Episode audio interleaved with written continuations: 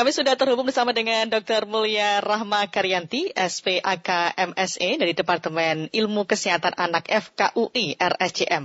Nah, siang hari ini topik kita adalah waspada infeksi dengue atau DBD.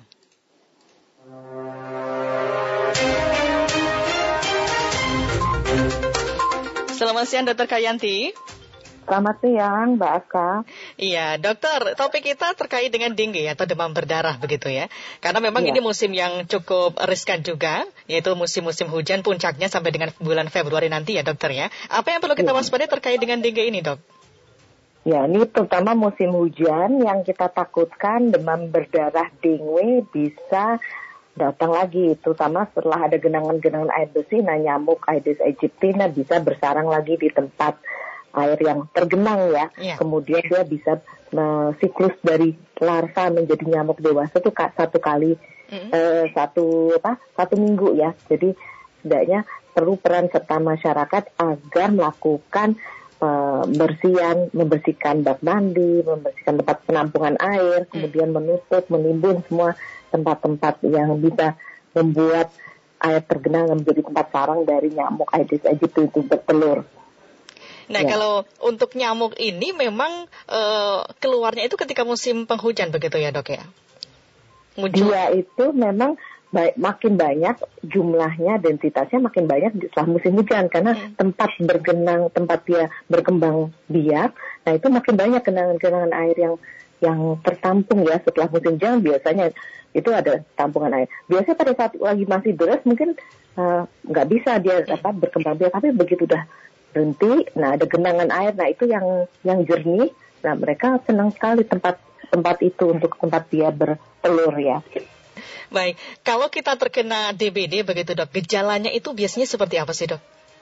Ya, gejala demam berdarah dengue itu yang harus diwaspadai adalah demam yang mendadak tinggi. Mm -hmm. Ya, biasanya pagi nggak apa-apa, tapi begitu uh, sore atau malam kok tiba-tiba langsung naik 39, 40. Yeah. Mm. Kemudian kadang-kadang kalau pada anak sering mukanya merah ya, kayak flushing ya.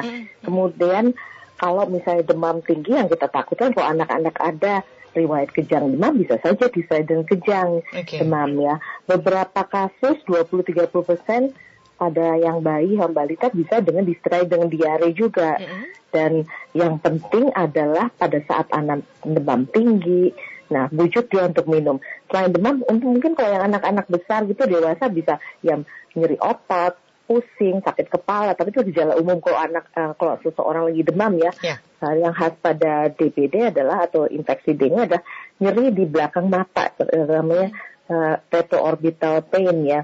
Kemudian bisa bisa dengan pendarahan, pendarahan bisa spontan. Hmm. Pendarahan itu di, di bagian apa biasanya dok? Perdarahan bisa spontan dari mimisan, gusit okay. perdarahan apa pun, bintik-bintik merah di kulit yang timbul. Kemudian kalau yang parah bisa sampai muntah darah hmm. sampai uh, buang air besar berdarah ya. Tapi segala bentuk perdarahan yang terjadi harus diwaspadai. Jadi demam, ada uh, nyeri nyeri otot pusing mungkin bukan khas ya, tapi memang yang khas pada anak-anak yang besar atau dewasa mungkin nyeri di belakang mata ya. Kemudian bisa disertai dengan perdarahan yang uh, spontan, mimisan, gusip darah pada saat gosok gigi, kok berdarah biasanya nggak apa-apa ya. Hmm. Kemudian atau uh, bintik-bintik merah di kulit ya. Kalau udah ada berdarah apa pun, yang penting segera ke rumah sakit ya. Kemudian lemes, uh, tidur terus, nah itu hati-hati gejala yang mungkin udah uh, masuk ke fase yang kita sebut fase kritis. Yang rawan adalah di uh, perjalanan demam berdarah itu tujuh hari. Tujuh hari ya? Tujuh hari pertama ya, ya dok ya? tujuh hari pertama itu eh, perjalanan itu hanya tujuh hari, jadi dibagi tiga fase. Fase demam itu biasanya hari Sabtu sampai ketiga itu biasanya demam tinggi. Bisa dengan gejala tadi, bisa dengan pusing, sakit okay. kepala, nyeri. Nah, kemudian yang yang fase kritis adalah di setelah hari ketiga sampai ke enam, di mana justru demamnya turun, Nah, nah kemudian nanti setelah hari kita bisa demamnya naik lagi. Jadi kadang kita sebut uh, seperti demam pelana kuda, jadi bifasik. Jadi tadinya naik, kemudian turun lagi. Terus setelah itu bisa naik lagi, bisa naik ya, lagi. Hmm. Ya, yang mesti diwaspadai adalah pada saat di hari ketiga dan enam yang kita sebut fase kritis. Di situ apa yang terjadi pada seorang penderita yang kena infeksi dengue yang berbahaya adalah kalau pembuluh darahnya bocor. Jadi misalnya dari ujung kepala sampai kaki bocor semua cairan yang plasma yang encer itu keluar dari pembuluh darah. Tinggal sel darah merahnya yang di dalam hmm. yang pekat. Nanti akan terlihat terdeteksi kalau dilakukan pemeriksaan darah akan terlihat hematokritnya meningkat okay. atau kita sebut hemokonsentrasi dan trombositnya bisa turun setelah hari ketiga hmm. tersebut yang terendah di hari ke lima trombosit itu. Jadi bisa ditanya dengan trombosit turun sampai di bawah satu, nah itu yang biasanya menyebabkan perdarahan bisa spontan. Kalau kalau normalnya itu berapa sih dok trombosit itu? Trombosit bisa di atas 200 ya, okay. 200 normal. Tapi kalau udah mulai turun hati-hati itu tanda-tanda dia masuk ke fase kritis ya. Nah biasanya uh, pada saat sebenarnya banyak cairan kan yang kita butuhkan cairan untuk mengisi pembuluh darah yang iya, bocor tadi gitu.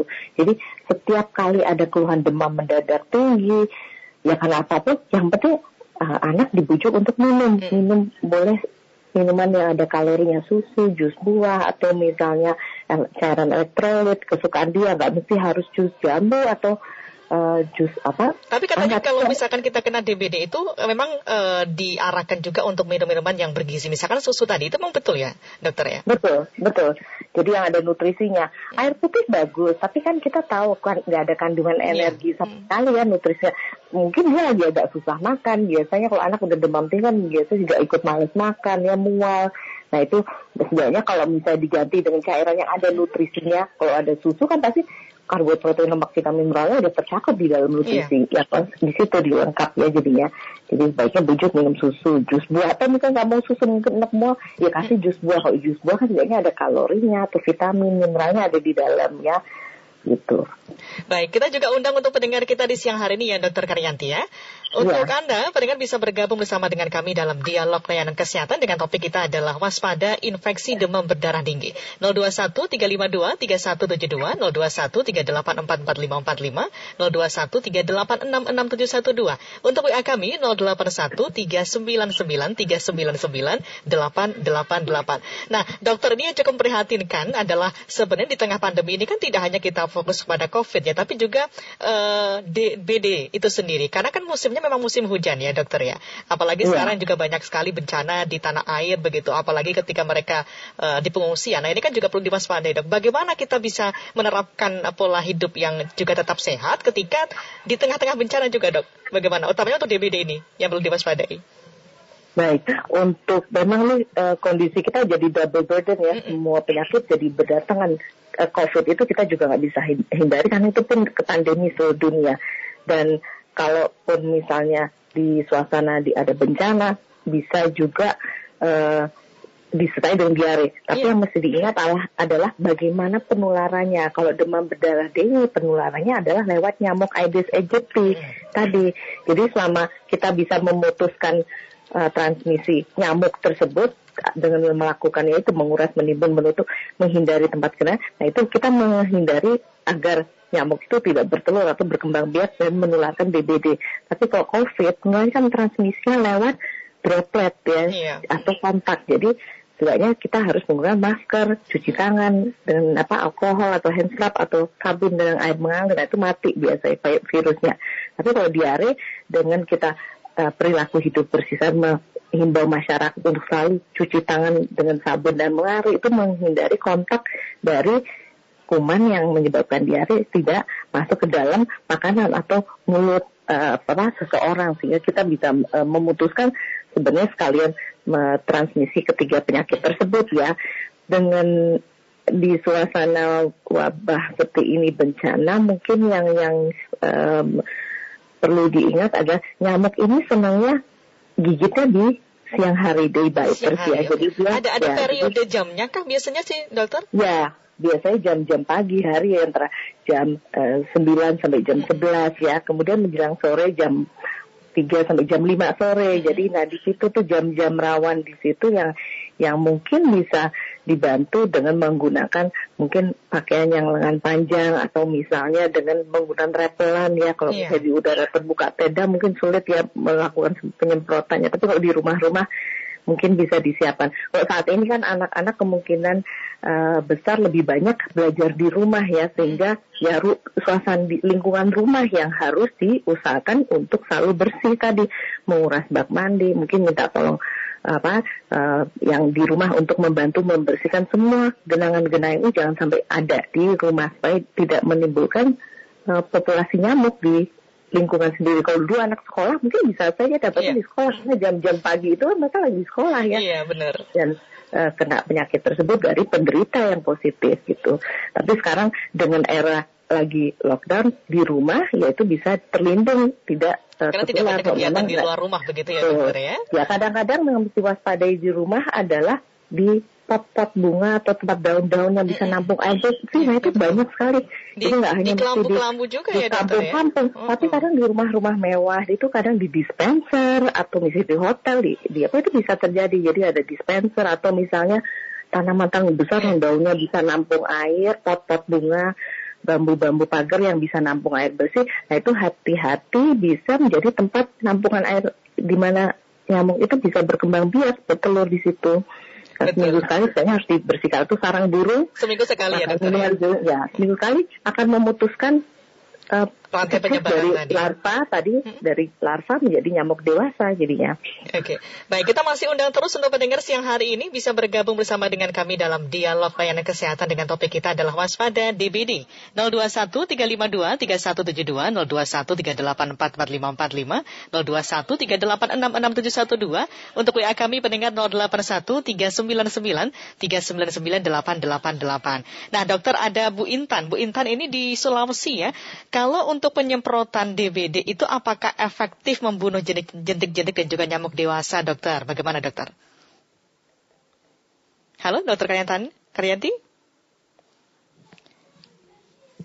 Ya, dokter. Oke, terputus ya, dokter Karyanti. Kita coba hubungi kembali untuk dokter Karyanti. Ya, terkait dengan topik kita di siang hari ini adalah waspada DBD ya atau demam berdarah tinggi. Baik, saya ke Esti. Ini nampaknya juga banyak sekali masyarakat yang bergabung melalui WA kami. Esti? Ya, jadi sudah ada beberapa pendengar yang bergabung. Ini konsultasi langsung sebenarnya. Kita nunggu tersambung bersama okay. dokter ya. Baik, ya, sudah tersambung kembali. Ya. ya, dokter ada beberapa pertanyaan dari pendengar. Ini tentang ramuan tradisional yang biasanya digunakan untuk obat. Jadi ada pendengar yang berbagi pengalaman. Itu kalau misalnya DBD kenapa harus selalu disuruh minum kurma atau um, apa namanya jambu merah, jambu biji ini nampaknya ya dari pendengar kami di Yogyakarta. Kemudian ada yang tanya tentang masa yang disebut kritis DBD itu kapan dokter? Pernah juga anak saya mengalami demam panjang beberapa hari ada mulai muncul bintik-bintik merah. Waktu saya bawa ke dokter, dokter bilang itu sudah agak terlambat katanya. Dua dulu itu dokter, pertanyaan dari pendengar. Oke baik, terima kasih Esti. Dokter Karyanti. Ya, Oke, okay, sudah tersambung lagi. Iya. Baik, tadi uh, sebelum sebelum terputus tadi ada ada pertanyaan juga dari uh, Bu Inta di Sulawesi kalau ada penyemprotan DBD begitu ya.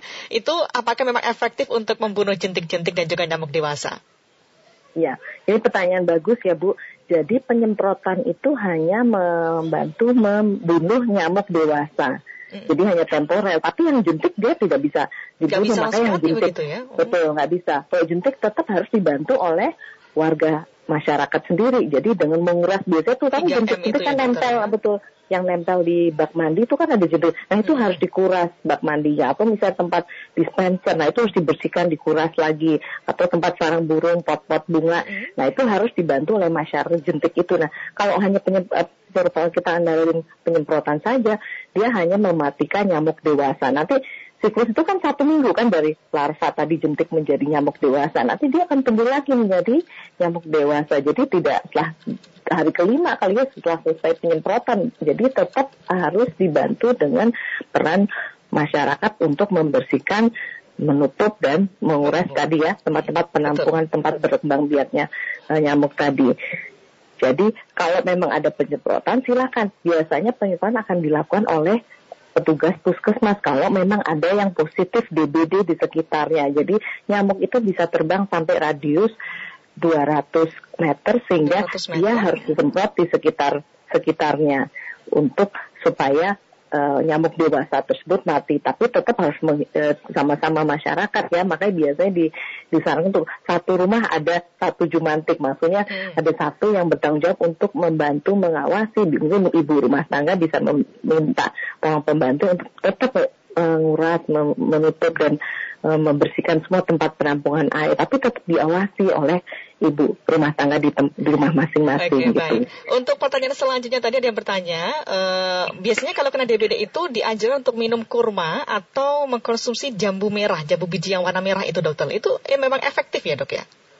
Sebenarnya secara ilmiah belum ada belum bukti, ada hasilnya ya, risetnya. Uh, betul, belum, belum ada evidence based practice atau evidence based medicine yang ter, atau bukti bukti kajian ilmiah terakhir yang mungkin bahwa harus jambu merah, mm -hmm. tapi yang penting cairan. Okay. Jambu merah sama mungkin mengandung vitamin C yang cukup tinggi. Tapi kalau anaknya mungkin nggak suka dipaksain itu malah jadi muntah-muntah. Jadi yang penting cairan uh, apa pun yang penting tidak warna merah apa coklat tua karena kalau misalnya dia muntah kita bingung ini muntahnya muntah darah atau seperti Coca-Cola sebaiknya tidak uh, diberikan lebih baik kasih yang susu jus buah yang lain ya uh, boleh silakan atau cairan elektrolit yang dia surat supaya dia tetap jangan sampai dehidrasi. Kita mengisi volume tadi pembuluh darah yang bocor tadi hmm. karena di fase kritis itu tadi juga sekalian nyambung pertanyaannya kapan itu fase kritis sih? Fase kritis itu adalah setelah hari ketiga sampai ke enam. Jadi di awalnya akan penyakit demam berdarah itu dengue akan melalui e, tujuh hari. Nah, hari pertama sama ketiga tuh biasanya fasenya demam. Nah, setelah hari ketiga itu akan masuk ke fase kritis di mana antara ketiga ke enam itu kenapa kok disebut fase kritis? Di situlah pembuluh darah seseorang akan menjadi bocor sehingga cairan akan keluar dari pembuluh darahnya dan tinggal sel darah merah yang pekat. Bayangin kalau ini tinggal sel darah merah yang pekat serut kan nggak bisa mengalir ya. Pasti iya, aliran betul. darah ke otak berkurang, ada gejala, akan terjadi penurunan kesadaran tidur, terus hmm. aliran ke ginjal berkurang, akan terjadi pengurangan dari buang air kecilnya. Harusnya anak misalnya kencing setiap 3-4 jam dia nggak akan kencing lebih dari 4 jam. Begitu, begitu ya dok, kalau misalnya kita kena DBD itu kayak misalkan kita haus bahkan sepanjang hari begitu. Itu juga salah oh, ya, satu bisa. gejalanya ya? Efeknya, itu haus karena dehidrasi karena uh -huh. dehidrasi terutama kalau demam ya biasa tiga hari pertama kan masih dehidrasi itu tapi setelah hari ketiga itu yang sering biasanya kalau dehidrasi berat udah udah apa udah memang haus dan mungkin jadi lemas karena aliran darah ke otak berkurang jadi lemas, aliran darah ke ginjal berkurang jadi kurang kencingnya. Jadi mungkin 12 jam nggak kencingnya sama tadi uh, satu lagi adalah dia pada fase memasuk fase kritis ada tanda-tanda bahaya atau kita sebut warning sign yang harus diwaspadai oleh orang tua ya. Jadi pertama adalah sakit perut hebat mm -hmm. ya terutama anak besar yang sering ngeluh. Mm -hmm. Kedua muntah-muntah terus nggak bisa masuk jadi minum mm -hmm. tapi muntah terus dimuntahkan. Kalau muntah-muntah terus hati-hati itu warning sign penting. Ketiga lemas tadi karena aliran darah ke otak berkurang ya jadi bikin dia ngantuk tidur oh, terus seharian. Gitu badannya ya dok ya? Nggak bangun dia tidur iya. terus hari ini kok ngantuk terus terus kemudian buang air kecilnya jadi jarang. Sama atau pendarahan spontan ya. Biasanya kalau udah ke rumah sakit akan diperiksa oh hatinya ada pembesaran. Dari pembesaran pada okay. peningkatan hematokrit dan penurunan trombosit dan ada cairan yang lagi bocor tuh kita bisa uh, lihat kalau ada okay. uh, apa kebocoran. Iya dokter ini juga ada pendengar kita yang bergabung kembali melalui pesan WA ya Esti. Ya baik ada dokter ada beberapa pertanyaan ini tentang DPD musim hujan saat ini apakah sama bahayanya dengan COVID-19 dari kemas di kayu manis pertanyaannya. Kemudian ada juga yang tanya ini dari nomor akhir 521 jadi, apakah benar nyamuknya gigit hanya pada siang hari saja? Pertanyaan selanjutnya, ini kalau meninggal itu apakah benar karena pembuluh darahnya pecah, dokter? Kemudian yang terakhir ada pertanyaan seputar seperti COVID itu kan dilawan dengan imun. Nah, kalau DBD apakah juga bisa ditangkal dengan meningkatkan imun tubuh? Terima kasih, dokter. Oke, bagaimana dokter Karyanti? Ya, ini uh, rombongan ya pertanyaan.